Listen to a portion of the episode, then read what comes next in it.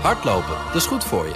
En Nationale Nederlanden helpt je daar graag bij. Bijvoorbeeld met onze digitale NN Running Coach... die antwoord geeft op al je hardloopvragen. Dus, kom ook in beweging. Onze support heb je. Kijk op nn.nl slash hardlopen. BNR Nieuwsradio. BNR Bouwmeesters. Ja, we beginnen met een fragmentje uit 1963. In het ondergrondse buizennet van Hilversum zal het stadsgas geleidelijk plaatsmaken voor aardgas. Burgemeester Boot heeft met het ontsteken van een fakkel deze primeur in het westen van ons land symbolisch gemarkeerd. Voor de overschakeling is Hilversum verdeeld in 42 wijken. Binnen een jaar hoopt men alle wijken op aardgas te hebben aangesloten. Ja, en nu moet eh, Hilversum en alle andere gemeenten weer van het aardgas af. Hè. In 1963 was het nog zo'n eh, zo'n doorbraak dat iedereen aan het gas eh, kon. Dat zal ook snel moeten gebeuren, 2021. Dan moet er een plan van aanpak zijn. en de grote vraag is, wat doen we dan met alle bestaande gebouwen... Hè, die al die jaren aan het aardgas hebben, hebben gezeten. we geven vast een voorzet in BNR Bouwmeesters. En dat doe ik met twee wethouders duurzaamheid. Uit Groningen Matthias Gijsbertsen van GroenLinks, hartelijk welkom. En eh, uit Amsterdam uh, Abduleb Choho van D66. Ja, welkom uh, allebei. Uh, ik heb hier een blanco A4'tje voor mijn neus liggen. En het lijkt me nou zo aardig als we aan het eind van deze uitzending twee of drie uh, ja, actiepunten kunnen opschrijven hoe we dit, dit gaan aanpakken. Want het is een beetje een onbeschreven blad nog, hè, hoe we overgaan straks naar een aardgasloos tijdperk. Ehm, het is een grote opgave hè, voor gemeente Matthias Gijsbertsen om, om dit te gaan bereiken. Buitengewoon groot. Buitengewoon groot ook voor heel Nederland.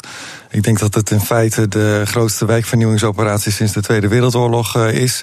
Dus dat betekent dat je uh, in Nederland alle gebouwen die wij hebben in feite door je handen moet laten gaan. Zowel qua planvorming als ook uh, qua wijzigingen in de energievoorziening. Dus ja, een enorme opgave. En, en de, de, de vorige grote wijkvernieuwingsoperatie was dat iedereen gas kreeg? Ja, en nu is die natuurlijk eigenlijk ingewikkelder nog dan toen. Omdat het toen ging om een leidingnetwerk waar iedereen op aangesloten kon worden. En nu zal je echt keuzes ook moeten maken weer per wijk over wat daar nu de beste manier is om uh, naar de toekomst toe in de warmte en energie te gaan voorzien. Ja, Abduleb uh, Choho, gemeenten krijgen daarbij de regierol. Hè? Hoe, uh, hoe zien jullie dat voor je? Welke, welke rol moet de gemeente daarin gaan spelen? Wat hebben ze nodig? Nou, ik vind het heel belangrijk dat de gemeenten die regierol uh, krijgen. Want het is in onze straten en onze buurten waar die woningen van het aardgas uh, af uh, moeten. Uh, en de uitdagingen die we daarbij hebben is dat we uh, met de bewoners in gesprek moeten gaan over uh, hoe we dat dan precies gaan doen. En hun daar heel erg bij betrekken. En daarnaast zijn er natuurlijk ook technische uitdagingen. Welke oplossing is dan het beste? De juridische uitdagingen, of we vanuit het Rijk de bevoegdheid ook krijgen die erbij hoort. En ook een financiële uitdaging. En dat als gemeente in een plan gieten. Ik denk dat wij als gemeentes daar het beste toe in staat zijn. Ja, en is het ook feitelijk inspraak? Of hebben burgers eigenlijk helemaal niet zoveel te vertellen over hoe het uiteindelijk wordt aangepakt? Want het, het kan maar op één manier, neem ik aan. Ik denk niet dat het een soort à la carte programma wordt. waarin ieder voor zich kan bepalen wat, wat hij als alternatief wil voor het gas. Ja, maar wat echt anders is dan toen in 1963, waarin we besloten om het hele land hetzelfde te behandelen, allemaal op het aardgas. Denk ik dat nu er juist wel mogelijkheden zijn voor inspraak. Want je hebt uh, stadswarmte, je hebt geothermie, je kunt met warmtepompen gaan werken, je kunt all-electric oplossingen kiezen. Dus je kunt ook echt met bewoners en ook per wijk kijken wat nu de beste oplossing is voor die uh, wijk. En maar, daarom zeg maar, ik. Maar het gaat wel per, per straat of eigenlijk nog meer per wijk. Het is niet per, per huishouden, niet per adres. De beste oplossing is per wijk. Ook omdat die opgave zo groot is, denk ik dat als we het per huis aan zouden pakken, dat het dan nog lastiger wordt. Dus wij zetten in op buurten, wijken en daar gezamenlijk, gezamenlijk in optrekken. Ja, nou, gemeenten krijgen daarin dus de regierol. Ze moeten nu in 2021 weten hoe ze de wijken van het aardgas gaan afhalen en welke alternatieve warmtebronnen dan gebruikt kunnen gaan worden. Annelies Huigen, zij is hoogleraar ordening van energiemarkten aan de UVA, die maakt zich daar zorgen over. En dat zegt ze in een gesprek met redacteur Daan Marcelis. Nou, ik ben heel erg blij dat het allemaal in beweging komt. Maar ik vind het uh, idee dat gemeenten nu ook al de alternatieve technieken moeten aanwijzen, dat vind ik niet goed. Want um, wat we zien bij de energietransitie is dat de ontwikkeling van de technieken heel erg snel gaat. Dus als je kijkt naar technieken van nu, zijn dat hele, eh, die je nu zou kiezen, zijn dat hele andere technieken dan de technieken die je zeven jaar geleden zou kiezen of zes jaar geleden zou Ja, u kiezen. zegt eigenlijk 2021, eh, dat is te vroeg om al te weten welke technieken we in 2028 zouden willen gebruiken. Ja, precies. En daar gaat heel veel tijd en energie in zitten. Dat zie ik nu al, dat gemeenten dat doen. Die hebben zo'n kaartje van alle wijken en dan gaan ze allemaal met elkaar nadenken over welke techniek in welke wijk en wanneer en hoe duur dat is. Maar wat nu een bepaalde prijs heeft, dat heeft over drie jaar een hele andere prijs. En dan zou je dat weer op een andere manier doen. Dus dat heeft niet zoveel zin om daar nu heel lang over te gaan praten en dat met elkaar uit te denken. Is dat niet ook een beetje een vrijbrief om voorlopig niets te doen, om, om te wachten op betere nieuwe technologie? Nee, het is ontzettend belangrijk dat we nu een landelijk programma gaan ontwikkelen. Waarbij we uh, als doel hebben dat verduurzaming van de gebouwde omgeving, of zelfs het energieproducerend maken van alle gebouwde omgeving, dat dat uh, nog maar hele lage kosten met zich brengt, bijvoorbeeld in 2026. Dan ga je uh, de verschillende wijken, ga je verschillende oplossingen voor ontwikkelen. En dan ga je iedere keer als je wat ontwikkeld hebt, die kennis gebruiken voor de wijk die je daarna doet. En dan zul je zien dat die kosten heel erg snel omlaag gaan en dat het op den duur vanzelf gaat. Ja, de ontwikkeling van de alternatieven gaat eigenlijk zo snel. En ook de, de kostenontwikkeling daarvan. Dat het geen zin heeft, zegt, uh, zegt Annelies Huygens, om nu al aan te wijzen. of in de komende drie jaar al aan te wijzen. welke techniek je in 2028 zou willen gebruiken. Uh, bent u het daarmee eens, uh, Choho? Nou, ik, ik ben het ermee eens dat er, um, zeg maar, de kosten steeds goedkoper worden. Hè. Dat weten we allemaal. Zonnepanelen weten we ook van dat die steeds goedkoper worden. Waar ik het niet mee eens ben, is dat je moet wachten. Want het moment dat we moeten, uh, aan het wachten waren, dat is volgens mij echt voorbij. Ik ben juist altijd voorstander van dat we gewoon moeten beginnen. Uh, en juist uh, met de ervaring die we opdoen, leren hoe we dan in volgende wijken het sneller kunnen doen, goedkoper kunnen doen. Maar iemand zal de eerste moeten zijn, een wijk zal de eerste moeten zijn waar je ook leergeld met elkaar, met elkaar betaalt. En dan vind ik wachten niet de juiste keuze. En ook de inzet op een landelijk programma vind ik ook moeilijk. Omdat, uh, uh, ja, we zijn natuurlijk allemaal gelijk. Maar tegelijkertijd uh, verschillen we als gemeentes heel erg. Je hebt gemeentes die helemaal bestaan uit Finex-wijken. We hebben Amsterdam Zuidoost, waar allemaal hoogbouw is. Ja. Dus iedere wijk in Nederland is ook anders. Dus ik pleit ook juist altijd voor dat er goed een landelijk programma moet zijn qua basis. Maar dat het juist aan gemeentes is om die verfijning, die verschillen van wat er per wijk het beste is, om dat echt aan gemeentes te laten. Ja. Maar dan is eigenlijk het aardgasnetwerk wel heel aantrekkelijk als het, als het alternatief is, zo'n zo'n lappendeken van allemaal verschillende soorten uh, energievoorziening. Ja, maar ik denk dat we uiteindelijk daar naartoe gaan. Dat we niet meer één warmtesysteem voor heel Nederland hebben. Maar dat we een warmtekaart van Nederland hebben. waarin verschillende oplossingen. Ja. in verschillende gemeentes en verschillende wijken worden toegepast. Ja, Matthias Gijsbertsen, moet, moet Nederland dan leren van hoe het in Amsterdam en Groningen nu gaat, uh, gaat lopen? Ja, ik ben het volledig mee eens. Je moet het echt ook per wijk bezien. En het is ook belangrijk om te investeren nu ook al in het gesprek met de mensen waar het om, waar het om gaat. Want ook de hele financiering van de nieuwe energieopgave mm. zal er anders uitzien. Dus ook de verdeling van wie daar de lasten van gaat dragen, die zal anders zijn. Dus je moet er ook nu met mensen over in gesprek. Wat betekent dat voor jou? Wat betekent dat in jouw wijk? En wat vind je wel of niet acceptabel? Nou ja, in, in gesprek, jullie leggen nu al een heel nieuw warmtenet aan in, in Groningen. Uh, maar dat, dat gaat ook niet helemaal zonder, zonder problemen. Dus je, je moet al wel, ik bedoel, de, de spa moet ook de grond in. Nee, maar en, en je kan niet altijd. Uh, altijd alles maar met alle bewoners bespreken. Want dan, dan, dan kom je er ook niet. Nou, dat warmtenet is overigens uitvoerig uh, ook met mensen besproken. Maar goed, niet uh, iedereen zal het ermee eens zijn geweest. Uh, nou, er is eigenlijk heel brede steun voor. Omdat je, dat is eigenlijk wel een mooi voorbeeld. Je ziet er een enorme discussie ontstaat omdat we daar aardwarmte in, voor in beeld hadden. Wat volgens mij voor de rest van Nederland nog steeds ook een goed alternatief is. Maar waar je inderdaad direct van ziet dat je in een pilotfase ook tegen problemen aanloopt. maar dat je een warmtenet nodig hebt voor een deel van de wijken in Nederland. En nog los van waar je dat nu, maar ook op termijn van wilt voorzien qua energiebron. En dat is volgens mij volstrekt uh, helder. Dus je moet wel de stappen gaan zetten die je uh, uiteindelijk sowieso moet gaan zetten. Ook al groei je nog steeds door in de ontwikkeling van technieken. Want en, daar kom je ook problemen tegen. He, zoals met, met de aardwarmte, de geothermie. Die, die moest voor een deel jullie warmtenet gaan, gaan voeden. Dat, dat gaat dan weer niet door. Nee, in Groningen niet. En ergens anders misschien weer wel. en wat wij nu doen is zoeken naar een ander alternatief. Waarbij het ook zo is dat we misschien nu wel kiezen voor het ene alternatief. Maar ook ervoor zorgen dat je ook flexibel genoeg bent om later ook andere bronnen op zo'n warmtenet aan te sluiten.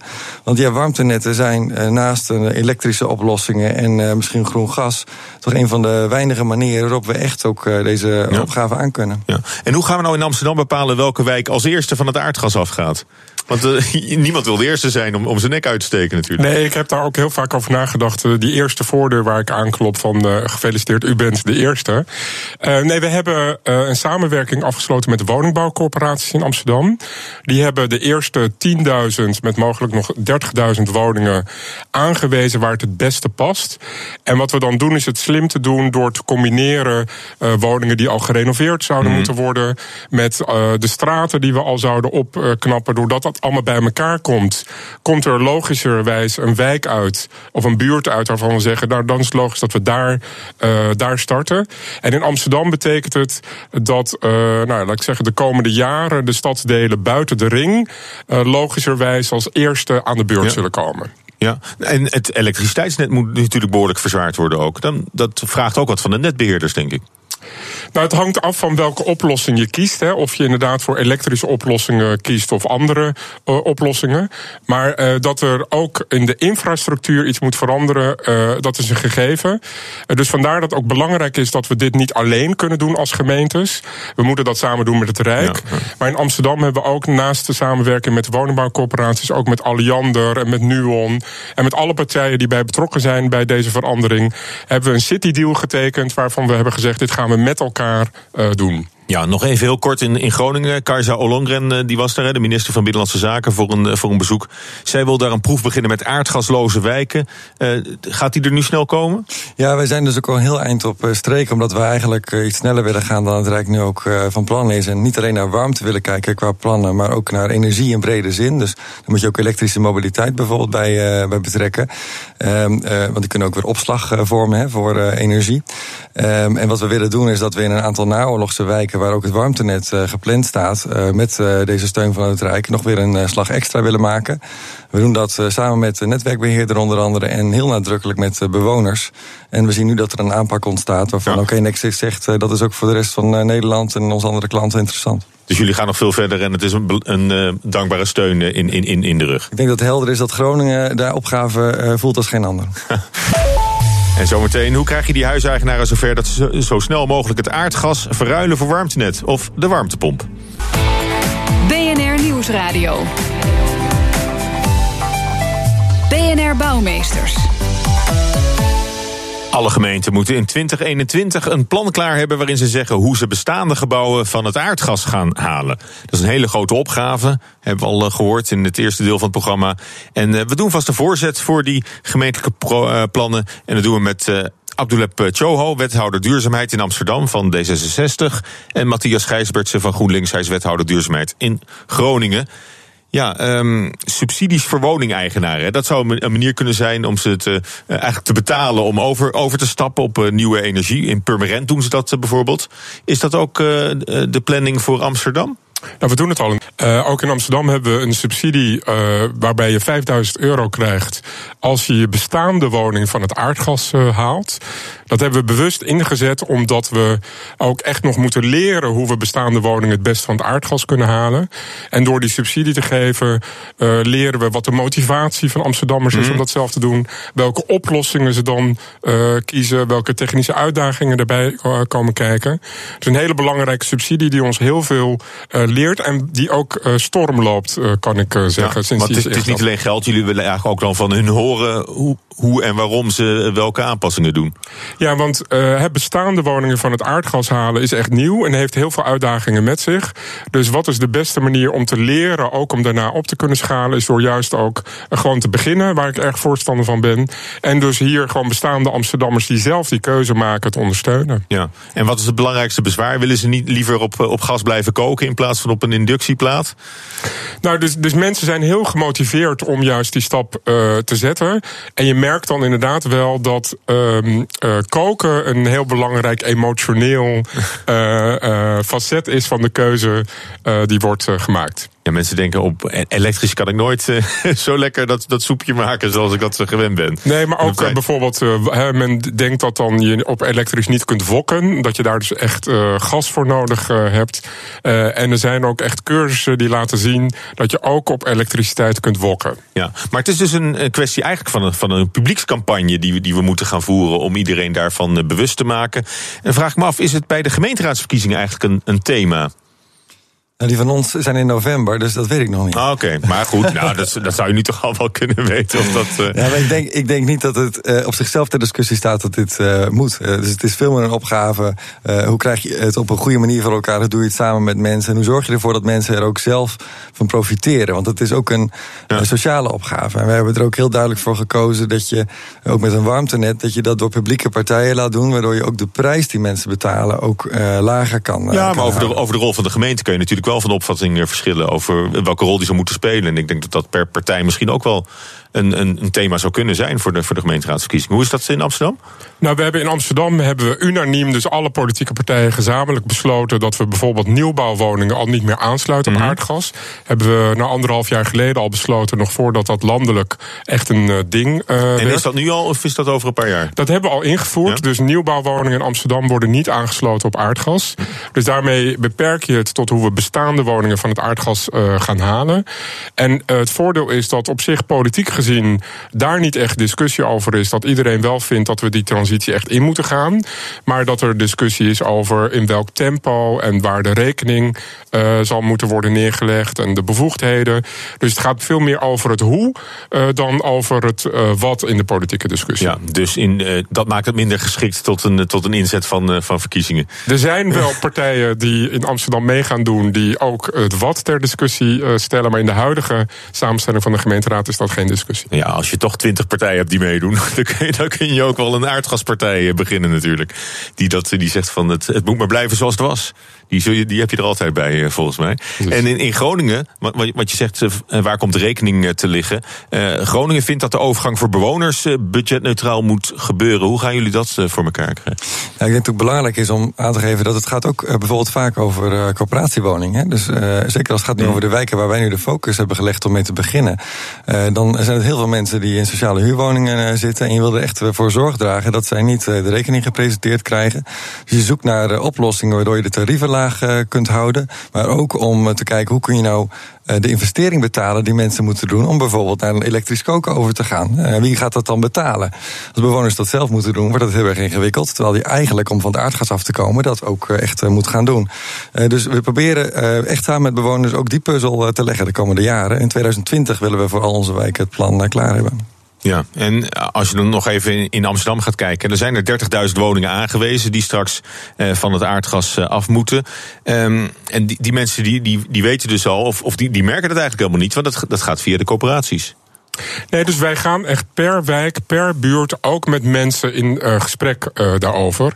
Dus het is echt niet zo dat uh, je ineens iemand, een monteur bij je naar binnen komt van vandaag wordt u afgesloten. Mm. Daar zorgen we echt wel voor dat we dat ruimschoots met, met wat, wat, wat zijn het voor bijeenkomsten?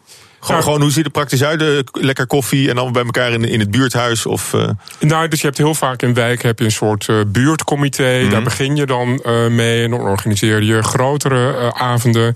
We gaan in Amsterdam ook over heel Amsterdam, inderdaad campagnematig, ook zorgen dat de hele stad meegaat in die verandering. dus daar zorgen we echt wel voor dat dat bekend, bekend gaat zijn. We onderzoeken dat ook, of mensen dat wel of niet weten. Maar misschien nog één ding ook op die andere mm -hmm. vraag van. Kijk, we hebben een heel raar systeem op dit moment in Nederland. Hè? Dus alles wat met aardgas te maken heeft, dat betalen we met z'n allen. Uh, via de belastingen, via. Mm. Maar alles wat met uh, niet aardgas, maar met een ander systeem te maken heeft, dat wordt alleen maar betaald door de mensen die erop aangesloten zijn. En dat vind ik heel erg gek. Ik vind dat je in Nederland alles gelijk warmte is warmte, zonder dat je bepaalt van welke bron dat uh, komt. En dat om het te financieren, ook om van aardgas naar warmte te gaan, je ook met elkaar moet kijken of je dan nou ja, dat systeem verandert door, door net zoals bij aardgas wat we met z'n allen betalen, ook te zorgen dat warmte met z'n allen uh, wordt, uh, wordt maar betaald. wat, wat, uh, wat, doen jullie daar dan aan in de, in de gemeente? Om, om te zorgen dat dat wel een, een, een collectieve inzet wordt en financiering? Nou, dus als dat is precies mijn punt. Als gemeente is dat voor ons heel lastig. Hè? Want dat is een, een rijksbepaling. Mm. dat men zegt aardgas betalen we als collectief. Maar warmteoplossingen betalen we niet als collectief. Dus wij lobbyen ook echt naar het Rijk toe om meer te gaan nadenken over warmte in plaats van aardgas. Ja, maar misschien, zou je, dan iets, misschien zou je dan juist iets van die regierol die nu bij de gemeente ligt, juist weer meer naar het Rijk moeten brengen. Nou ja, of andersom is dat je zegt van laat ons als gemeente dat nou uh, doen, maar geef ons dan ook de middelen die daarbij horen, uh, de juridische middelen, maar ook de financiële middelen. En dan kunnen wij ook uh, makkelijker zorgen dat het, nou, die ja. kosten niet bij bewoners worden neergelegd. Houd, ja, houden jullie eigenlijk nog, nog rekening met, met weerstand of tegenstand? Of heb je, heb je eigenlijk toch wel de wind mee in het hele traject? Nou, nogmaals, ik denk dat ook als, je, als we met mensen spreken, is de doelstelling niet de discussie. De vraag is hoe je er komt. En ik ben het helemaal eens met mijn collega. Er zijn natuurlijk een paar dingen ook wel nodig om dit uh, tot een succes te maken. Dat betekent dat wij als gemeente ook in staat moeten zijn. Wacht even, ik ga, ik ga even meeschrijven, want ik heb hier dat lege vel nog liggen. je, je, mag even, even uh, een, een, uh, ja, speerpunt noemen wat, wat belangrijk is om iedereen mee te krijgen. Worden misschien net twee. Maar als het gaat over regelgeving, dan gaat het erom dat gemeenten ook in staat zijn om ook in de bestaande bouw af te dwingen. Hmm. Dat dat uh, aardgas ook uh, uitgefaseerd kan worden. Mm -hmm. En als het gaat over financiering, is het natuurlijk ongelooflijk jammer dat wij weliswaar met SDE-subsidie allerlei elektriciteit duurzaam opwekken, maar dat we de opslag daarvan niet regelen. Waardoor je dus eigenlijk ook energie subsidieert die vervolgens verloren gaat. Dus dat is heel erg jammer. Uh, en je zou er ook voor moeten zorgen dat je ook financiering kan verbinden aan gebouwen. Zodat je als bewoner niet zelf de investering altijd hoeft te doen, maar die kan afbetalen via je woning. Dat zou heel veel schelen. Oké. Ik zou zeggen, gewoon beginnen. Uh, en begin gewoon vandaag. Zodat we ook de ervaring, maar ook het volume halen om het goedkoper te maken. En uh, maak niet de fout zoals we bijvoorbeeld bij windmolens hebben gedaan. Is door te zeggen als overheid van nou we gaan daar iets doen en de participatie komt aan het eind. Maar zorg dat we echt vanaf het begin met bewoners in gesprek gaan zodat we dat samen gaan doen. Het staat allemaal uh, genoteerd. Wie biedt meer? Ja, tot zover hadden we het over de aardgasvrije toekomst. Nu gaan we de hoogte in, want wolkenkrabbers die worden steeds hoger. De Burj Khalifa in Dubai die is ruim 830 meter. De Shanghai-toren is 630 meter. In Mekka staat er ook nog eentje van 600 meter. Dus het is uh, ook een beetje tegen elkaar opbieden. En de vraag is nu, hoe hoog kan een lift eigenlijk op dit moment worden? Hebben jullie enig idee? Abdullah Choho, wat, hoe hoog kan een lift zonder dat je hoeft over te stappen op de volgende lift? Um, ik zou zeggen zo hoog als het hoogste gebouw. Ja, dat kan met één lift. Uh, nou, dat, dat gaat niet helemaal lukken. Gijsbertse? Nou, totale gok uh, 200 meter. 200 meter. Nou, ook dat is, uh, is genoteerd. Wie biedt meer? En redacteur Daan Marcellus is hier met het antwoord. Hoe hoog kan een lift? Ja, nou, ik heb het uh, antwoord ook even moeten opzoeken. Of eigenlijk, ik heb het Liftinstituut daarvoor gebeld. Zij uh, keuren uh, liften onder andere. en het blijkt allemaal afhankelijk te zijn van het gewicht van de kabels. Die hangen natuurlijk helemaal van de top tot de bodem. En daar moet die lift ook nog aan hangen. En op een gegeven moment wordt zo'n kabel gewoon ja, eigenlijk te zwaar om die hele situatie nog te dragen. Liftinstituut heeft voor konen speciale aramide, kunststofachtige draagmiddelen gecertificeerd. En daarmee zou je tot 1000, zelfs 1500 meter hefhoogte kunnen gaan. Ja, nou dat is dus een nieuwe ontwikkeling. Ik zie lachende gezichten, maar uh, zover zijn we natuurlijk nog niet. Nog heel even dan, nog iets verder in de toekomst zijn die kabels misschien niet eens nodig, zei uh, uh, de meneer, de woordvoerder van, van het Lichtinstituut, Koos van Lindenberg. Dan gaan liftkooien als een soort zweeftrein horizontaal, maar ook verticaal langs speciale geleiding. En ze worden dan aangedreven via magneetvelden en hangen dan niet meer aan kabels. Dus eigenlijk ben je dan niet gelimiteerd. Dan zou je zelfs nog veel hoger kunnen gaan. Ja, nou dat is een proef van uh, Kroep, waarbij het Liftinstituut uh, betrokken is. Maar dan is nu natuurlijk de vraag, hoe, kan een, hoe hoog kan een lift nu worden? Nou ja, en dat is uh, ja, 500 meter eigenlijk. ja, een stuk minder hoog dus dan het hoogste gebouw. Daarvoor moet je gewoon overstappen. Ja, we hebben nog geen gebouw van een kilometer hoog, maar dat is zeg maar waar nu op gejaagd wordt. Hè? We hebben 800 meter, maar dat is voorlopig 830. Dat is voorlopig het hoogste. Uh, de hoogste lift van Nederland, waar staat die? Ja, moeten we toch even terug naar het liftinstituut. Uh, Koos van Lindenberg weet het namelijk, die heeft hem een keer gekeurd. Daar is er eentje in de Zendmast in IJsselstein. Hè, dus jaarlijks als kerstboom wordt opgetuigd. En die lift uh, die, uh, heeft uh, twee stappen. Die gaat de eerste in het betonnen deel gaat die tot 100 meter. En in de stalen kolom gaat hij dan tot 360 meter door. Ja, ja heel het mooi is indrukwekkend. En dan kan je omhoog. Maar je kan maar met z'n tweeën naar boven. Ja, het is een keurlift, ja. Dankjewel, eh, Daan. En eh, dankjewel Matthias Gijspertse, wethouder in Groningen. En Abduleb Choho, wethouder in Amsterdam. En dat was Bouwmeesters voor eh, deze week. Heb je nog vragen of tips? Mail die dan naar bouwmeesters.bnr.nl. En je kunt de show terugluisteren op bnr.nl slash bouwmeesters. En dat kan ook via iTunes of Spotify. Ik ben Paul Lasseur. Zometeen is hier Petra Grijze met Spitsuur. BNR Bouwmeesters wordt mede mogelijk gemaakt door Bouwend Nederland. De bouw maakt het. Hardlopen, dat is goed voor je. En Nationale Nederlanden helpt je daar graag bij. Bijvoorbeeld met onze digitale NN Running Coach... die antwoord geeft op al je hardloopvragen. Dus, kom ook in beweging. Onze support heb je. Kijk op nn.nl slash hardlopen.